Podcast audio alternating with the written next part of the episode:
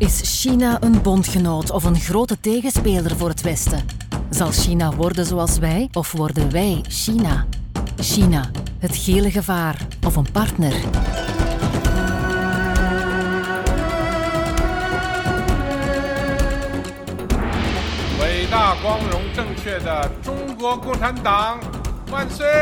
De podcast Het Rijk van het Midden niet over noedels en rijst, wel een kritische reflectie over China.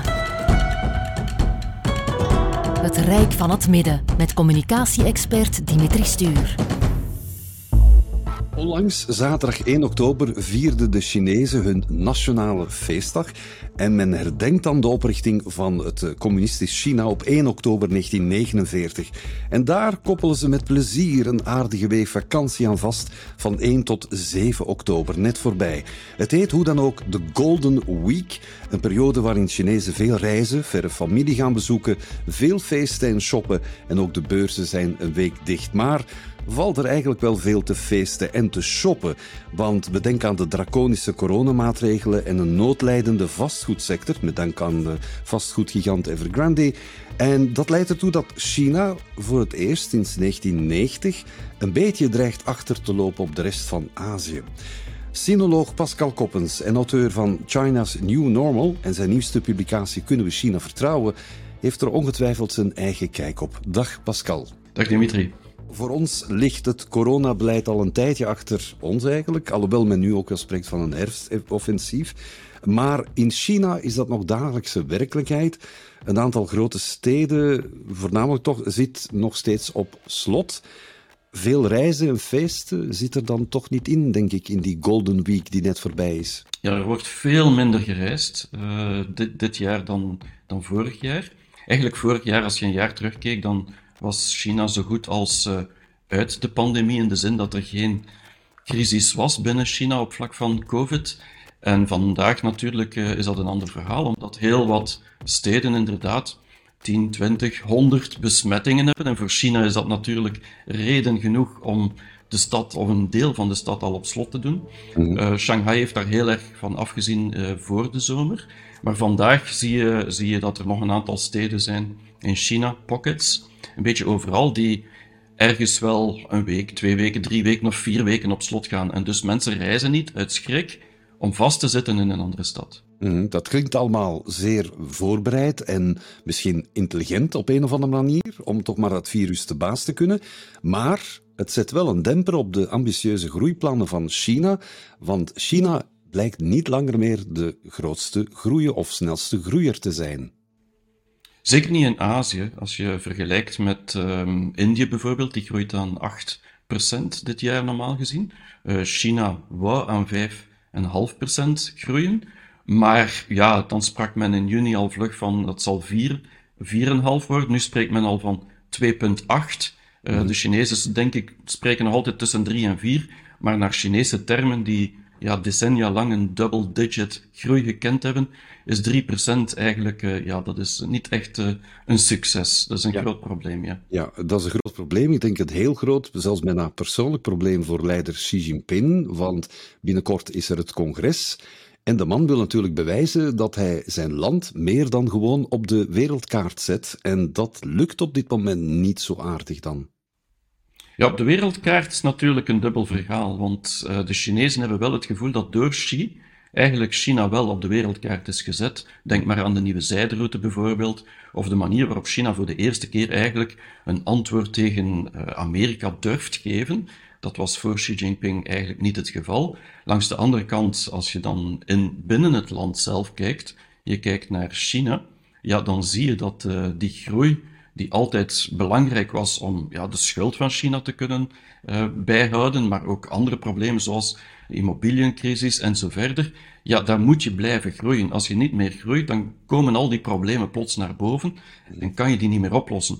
Ja. Li Keqiang, de premier van, van China, die heeft heel erg zijn, zijn best gedaan en heel hard uh, opgetreden om, om eigenlijk die economie terug aan te wakkeren. Maar ze zitten natuurlijk met die zero-covid-policy die dat niet gemakkelijk maakt. En dus het is, het een heel complexe uh, beslissing die daar genomen worden. Is, ja, is het belangrijker om eigenlijk de mens te beschermen tegen uh, dat covid uh, tegen de COVID-pandemie? Of is het belangrijker om de economie terug aan te wakkeren? Dat is een moeilijke keuze. Ja, maar uh, toch is de keuze misschien al wel een beetje gemaakt, want China heeft recent behoorlijk ingegrepen met uh, investering in de economie. Ja, maar absoluut niet in dezelfde mate als ze gedaan hebben in 2008 met de financiële crisis. Dus eigenlijk kan je stellen dat China, nu dat de wereld in een, een inflatie en recessie aan het belanden is, mhm. dat China niet meer ons zal redden van die recessie. Dat is duidelijk. Uh, China kijkt vooral intern. En daar zijn ze wel aan het proberen om, om geld te pompen in de economie, voornamelijk om intern op te lossen, maar niet meer om de fabrieken te doen draaien voor de wereld uh, pro producten te bezorgen. Dus het is een heel andere doelstelling. Wat je wel ziet, is dat ze vooral die, die bubbels die aan het ontploffen zijn, zoals de, de immobiliëncrisis, of de vastgoedcrisis, dat je eigenlijk die bubbels, dat ze die moeten proberen uh, temperen uiteraard. Ja. ja, ze kijken naar zichzelf, zeg je Pascal, maar uh, ze zitten dan ook maar uh, op dezelfde manier geconfronteerd zoals wij in het Westen, met een vertraagde wereldeconomie, met renteverhogingen, met een stijgende inflatie. Dat kan toch niet anders dan ook effect hebben op China? Well, China is, wat inflatie betreft, doet het eigenlijk zeer goed. Als je het vergelijkt met ons, ze zitten ergens rond 2, 3 procent inflatie. Dat is eigenlijk verwaarloosbaar ten opzichte van wat wij meemaken met 11 procent. Uh, of 17 procent in Nederland, als ik uh, me goed herinner. Dus ja, dat is, dat is echt verwaarloosbaar. En, en de rente valt ook nog heel goed mee. Natuurlijk, ze zijn ook aan het proberen dat op te lossen, maar zij zitten eerder met het omgekeerde probleem, dat er minder eigenlijk gestimuleerd wordt in de economie dan, dan nodig is. En dus, dus ze zitten met een, het omgekeerde probleem als wij zitten. En dus ze zouden daar ook wel een probleem kunnen krijgen als op een bepaald moment die economie eigenlijk uh, niet meer kan blijven draaien uh, zoals dat ze zou moeten draaien. Dus uh, ja, het is zeker niet een perfecte oplossing voor China. Ja. In jouw boek Kunnen we China vertrouwen? Start je met een dubbel blik en haal je een aantal clichés als het ware boven, zowel vanuit het Westen als vanuit de Chinese kant. En als ik denk aan bijvoorbeeld de opmerking het Westen houdt China een dwangbuis, dan heeft het Westen wel flink naast gegrepen wat dat betreft, als ze spreken over elektrische wagens, want daar heeft China een ongelooflijke voorsprong op het Westen, dacht ik. Op, op vlak van elektrische wagens, en dat heeft vooral te maken met batterijen, uh, waar China al jarenlang uh, toegang heeft tot de, de grondstoffen die batterijen nodig hebben, uh, die hebben ze al jarenlang in geïnvesteerd in mijnen overal in de wereld. Mhm. En ze hebben niet alleen die, in die grondstoffen geïnvesteerd, maar ook in de productie ervan. En dus de grootste batterijproducenten ter wereld zijn twee Chinese bedrijven, dat is CATL en BYD. En die leveren eigenlijk voor de hele wereld aan batterijen, ook voor Tesla. En dus uiteindelijk gaan, hebben de Chinezen dan daar gebruik van gemaakt om de stap naar elektrische wagens ook op vlak van productie te zetten. Mhm. En op dit moment kan je niet stellen dat uh, de Chinese elektrische wagens achterstaan op de rest van de wereld. Ze staan eigenlijk nu al op de derde generatie van ontwikkeling van elektrische wagens. Mhm. Vergelijkbaar met Tesla. Tesla staat misschien nog een stuk voor, maar alle andere wagenproducenten zitten nog maar aan de eerste, soms aan de tweede generatie. Dus ze zijn echt, ze hebben voorgelopen omdat ze al tien jaar bezig zijn en zagen dat ze die stap moesten nemen. Ja, en de wereld keek ernaar, het Westen toch alleszins. En nu wil Europa en de Verenigde Staten proberen China, ja, de macht van China te breken, ook op dit terrein. Hè? Ja, ze proberen het op alle terreinen, of het nu over microelektronica gaat, of elektrische wagens, of om teven wat proberen ze te breken. 5G, denk maar aan Huawei. Uh, en vanuit Chinees standpunt, en, en is dat heel duidelijk, dat het niet een kwestie is van oneerlijke concurrentie, maar eerder, of nationale veiligheid, maar eerder het probleem is van het feit dat Amerika, het Westen, uh, Silicon Valley, achterloopt op China. En dat ze dus eigenlijk die markt aan het afsluiten zijn, zowel de toevoermarkt naar China toe van chips en zo, mhm. als eigenlijk de toegang naar de uh, westerse markten. En dus ja, van het Chinees standpunt zijn we eigenlijk nu China aan het blokkeren, een stukje omdat we China nu zien als een, als een echte gedegen concurrent die misschien ons wel voorbij aan het steken is. Ja, lopen we kans, bij wijze van spreken, maar dit klinkt zo negatief, Pascal, dat we misschien eerder binnenkort met een Chinese elektrische auto rondrijden dan met een Europese automerk? Dat hangt af wie je bent. Uh, als je iemand bent met heel veel geld, dan is de kans groot dat je nog steeds een Europese uh, elektrische wagen zal kopen, een premium wagen, of het nu van een Duits merk is of een Tesla. Mm -hmm. zit je in de middenklasse of eerder de lagere inkomensklasse, dan is de kans veel groter dat je met een Chinese wagen gaat rondrijden, een elektrische wagen van ja, BYD bijvoorbeeld, of, of een andere SAIC, of merken die we waarschijnlijk nog nooit van gehoord hebben. Gewoon omdat ze 10, 20.000 euro goedkoper gaan zijn voor eigenlijk bijna dezelfde kwaliteit. Die voorsprong van China op uh, batterijen, op elektrische wagens en zo, komt ook wel voort natuurlijk uit die drang om iets te doen aan het milieu. Met andere woorden, China kampt nog altijd met enorme vervuilingsproblemen, maar zet er wel alles op in om een vergroening door te duwen in dat land. En, ja, dat is een van de grootste drijfveren van Xi Jinping op dit moment. Hij heeft twee grote agenda's. Hij heeft er veel, maar twee grote. De ene heeft te maken met corruptie. Uh, daar heeft hij al jaren aan gestreden om eigenlijk die corruptie uit het land zoveel mogelijk te halen, want dat zorgde voor ongelijkheid, wat uiteindelijk het probleem is van China vaak. En het andere is het milieu, want als, als China met uh, eh, 25% van het CO2 die ze in de lucht duwen, voor heel de wereld, ja, zijn milieuprobleem niet oplost, dan gaat de wereld het niet overleven en China dus per definitie ook niet. En dus voor China is het aanpakken van het milieu geen ja, nice to have, het is echt een must have. Als ze er niks aan doen, dan gaan ze gewoon het, het niet verder kunnen, kunnen uitwerken. En je moet dat aan de Chinezen niet uitleggen. Ik heb zelf twintig jaar in China gewoond. De pollutie zie je gewoon als je buiten stapt in sommige steden.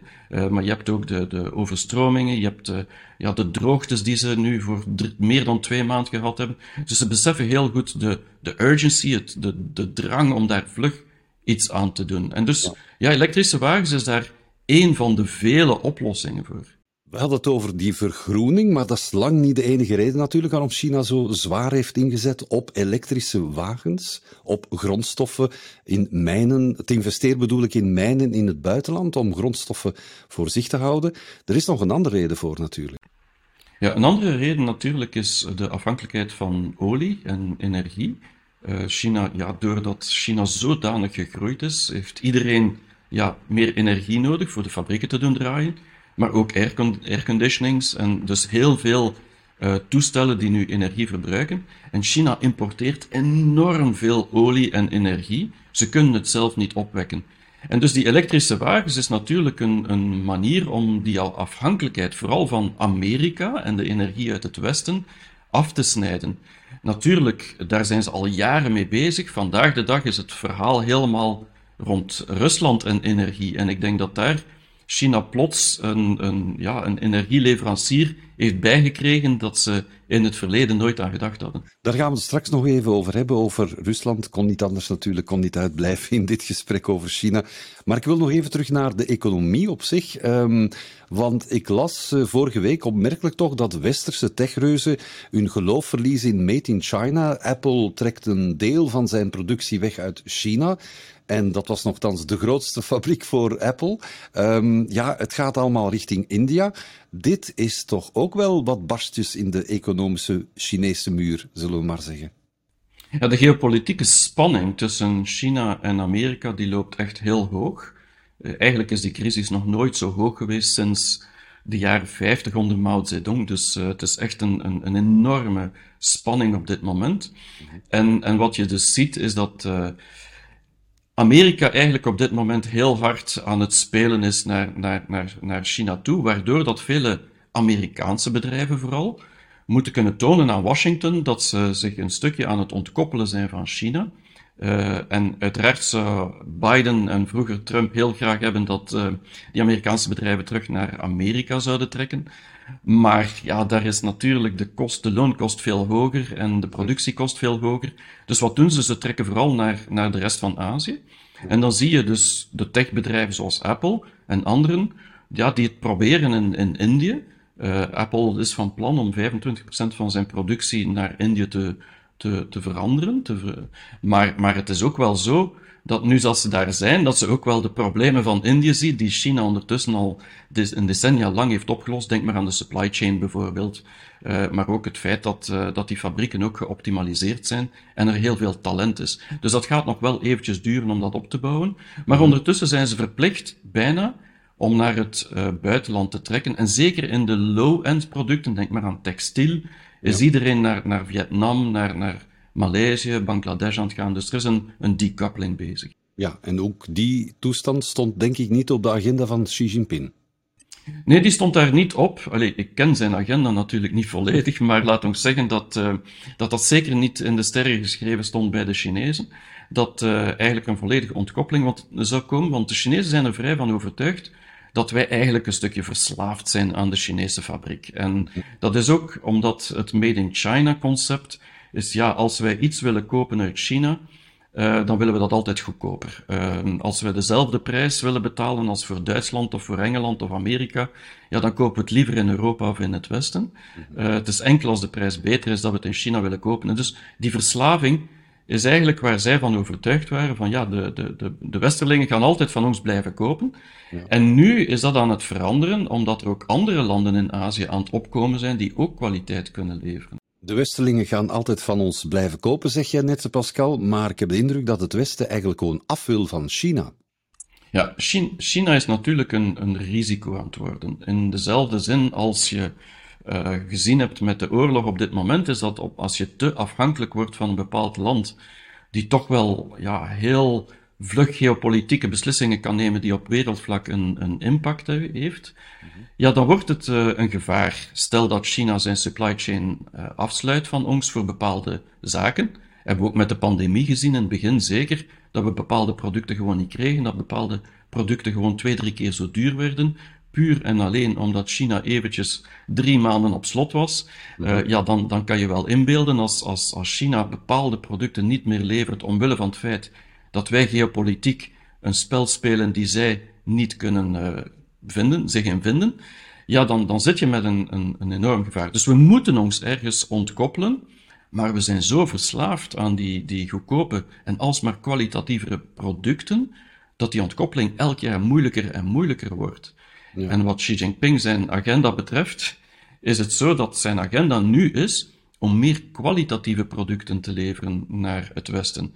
En dus we zijn, vroeger waren we verslaafd aan de goedkope producten, nu zijn we langzaam verslaafd aan het worden aan de kwaliteitsproducten. Het wordt nog een grotere uitdaging om ons los te koppelen. Ja, niet alleen dat soort uitdagingen, maar er is toch ook wel een, zeg maar een groeiende haat aan onze kant in het Westen gevoed vaak uit puur onbegrip en vooral gebrek aan kennis over de Chinese cultuur. Um, en misschien zelfs de hele Aziatische cultuur. Hoe zie je dat verder evolueren? Want je krijgt toch wel tegenstellingen. Zijn zelfs Chinezen, als ze naar Amerika zouden kunnen reizen, het eigenlijk liever niet meer durven doen, omdat ze veroordeeld worden omdat ze Chinees zijn? Ja, er is een, een soort uh, racisme aan de gang op dit moment. Um, en dat is eigenlijk Chinezen en Aziaten in het algemeen, want in het vaak weten Westerlingen het verschil niet tussen een Chinees en een Vietnamees. Maar laat ons zeggen dat, dat er naar Chinezen toe uh, toch wel een soort haatsituatie uh, aan het komen is. En dat is een heel gevaarlijke uh, situatie natuurlijk, want ja, 1,4 miljard mensen hebben natuurlijk allemaal een eigenheid en een diversiteit. En je kan dus zeker niet gaan beweren dat alle Chinezen totalitair van gedachten zijn en het Westen willen kapotmaken. Dat is absoluut niet zo.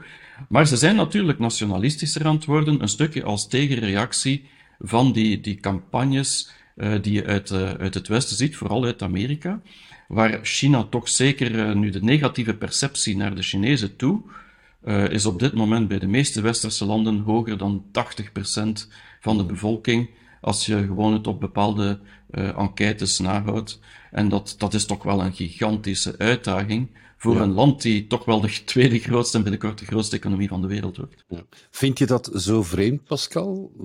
Wat je nu net vertelt, dat, dat argwaan vanuit, vanuit het Westen ten opzichte van China in het bijzonder?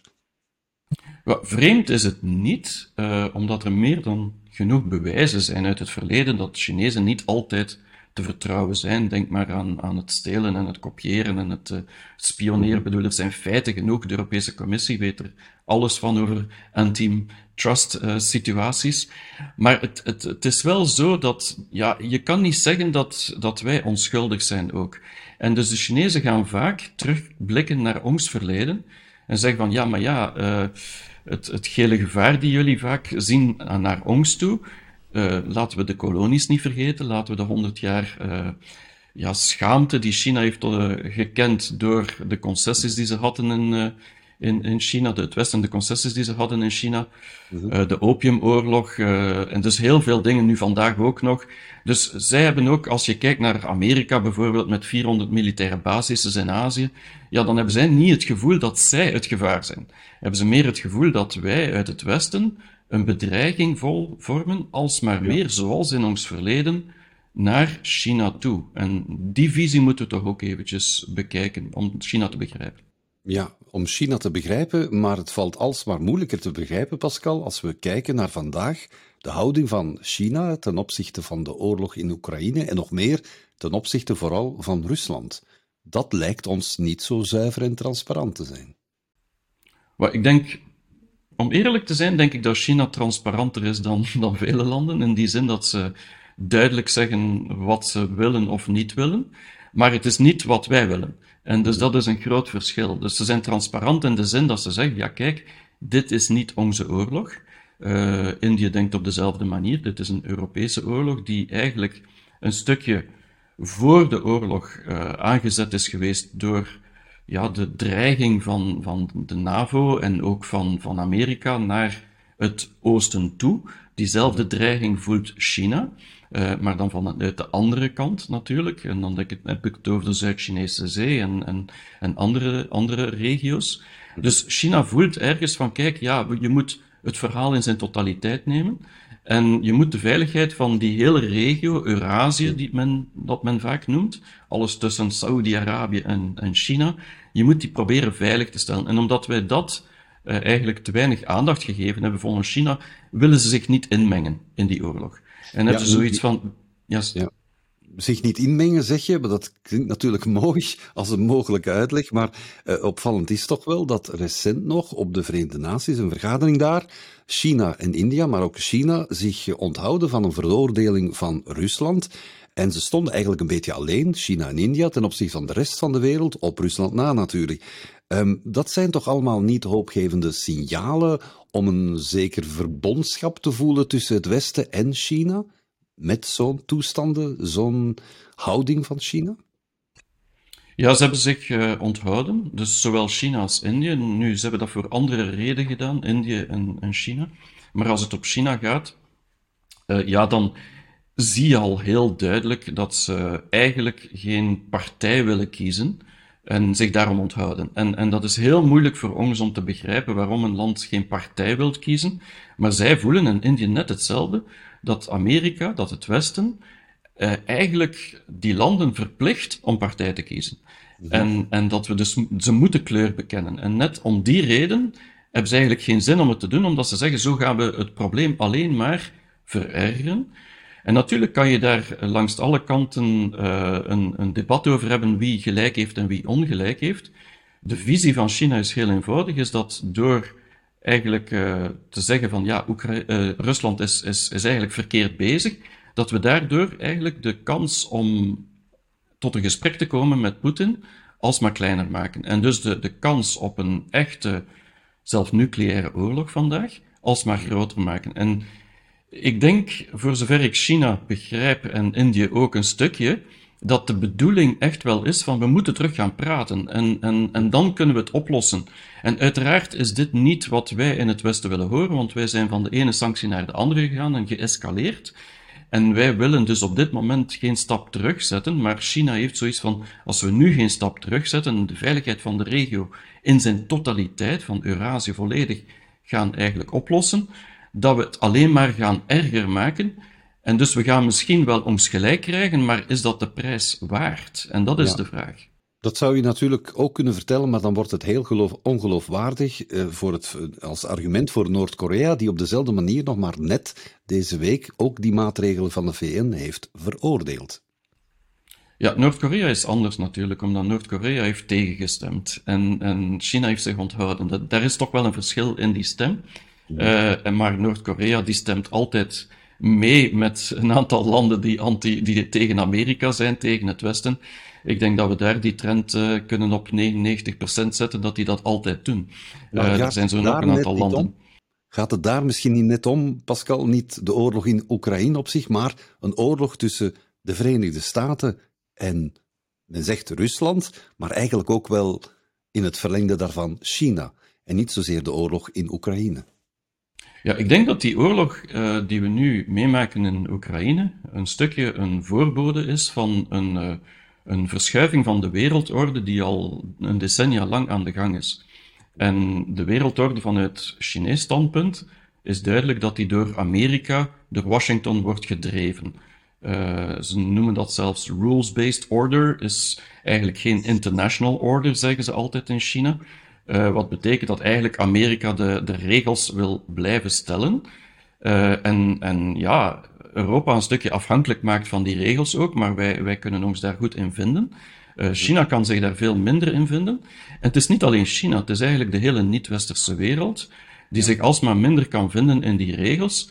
Maar omdat China zo'n grote economie is en groot geopolitiek macht, kunnen ze natuurlijk een tegengewicht en een tegenstem vormen om te zeggen van ja, die wereldorde die jullie in het Westen zien, zo denken de Chinezen, uh, is aan het veranderen.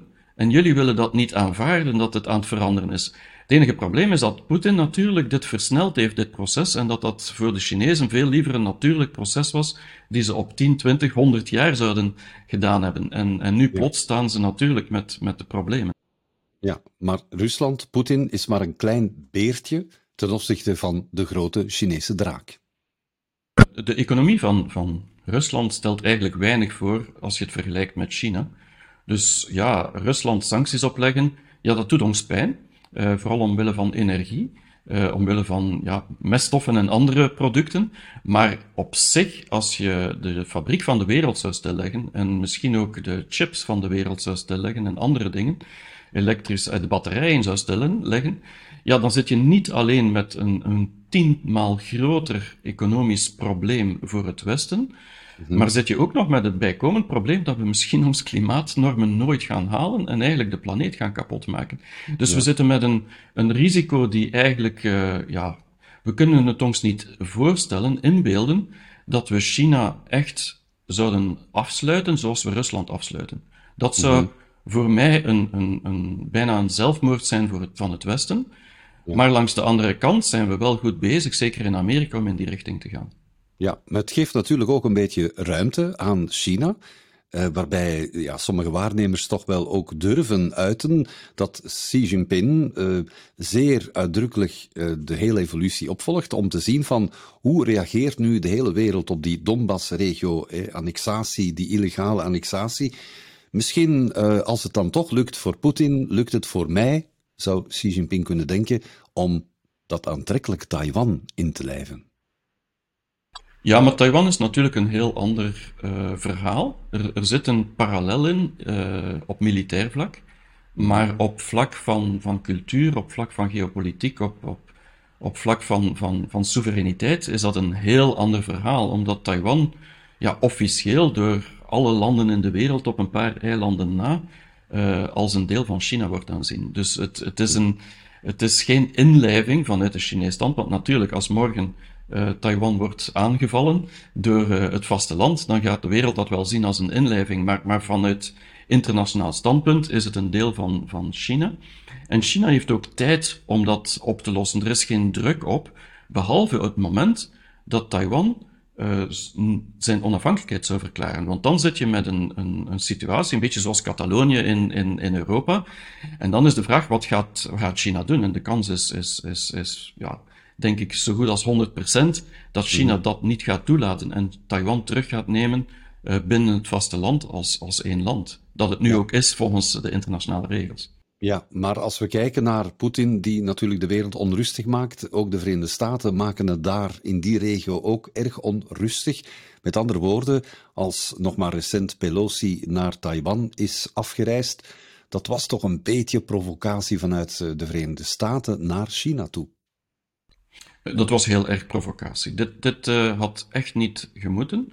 Natuurlijk, vanuit uh, puur wettelijk standpunt heeft ze alle recht om naar Taiwan te gaan. Mm -hmm. Dus je kan het daar niet ontzeggen. Maar vanuit Chinees standpunt had Biden haar moeten terechtwijzen en zeggen: jij mag niet gaan. Want dit kan leiden tot een diplomatieke rel, een, een geopolitieke crisis, maar misschien ook een militair crisis. En dus je moet gewoon thuis blijven. Dat, dat was het verhaal die de Chinezen verwacht hadden van Biden, zeker omdat hij maanden daarvoor gezegd had van wij gaan zeker die uh, ambiguïteit of strategische ambiguïteit, zoals men het noemt, behouden. Um, ondertussen is er veel gebeurd. Want ondertussen heeft ja, China eigenlijk die ambiguïteit een stukje doorbroken door te zeggen wij gaan het terug inpalmen als er geen andere mogelijkheid meer is. En Biden heeft gezegd als er aangevallen wordt, dan gaan wij uh, Taiwan verdedigen. En dus nu zitten we in een heel andere fase van, van, dit, van deze crisis. Ja, een hoop hete hangijzers, en er zijn er nog die we nu niet aan bod hebben kunnen laten komen. Maar de, ja, zeg maar, bottom line, de vraag, ook titel van jouw boek. Kunnen we China vertrouwen, Pascal? De vraag is een vraag die je enkel kan beantwoorden door China beter te begrijpen en te begrijpen vanuit Chinees standpunt, Chinese lens, hoe de Chinezen naar de wereld kijken en ik denk dat we dat veel te weinig doen. Eigenlijk kan je stellen dat China al 30, 40 jaar van ons geleerd heeft en dat wij nog maar weinig van China geleerd hebben. Eén ding is duidelijk, Pascal. Hoe complex de wereld ook is, we geraken zeker nooit uitgepraat over China alleen al, denk ik. Ja, ik zal zeker nooit uitgepraat geraken over China. Maar, ik geloof je stevast. Dankjewel, Pascal.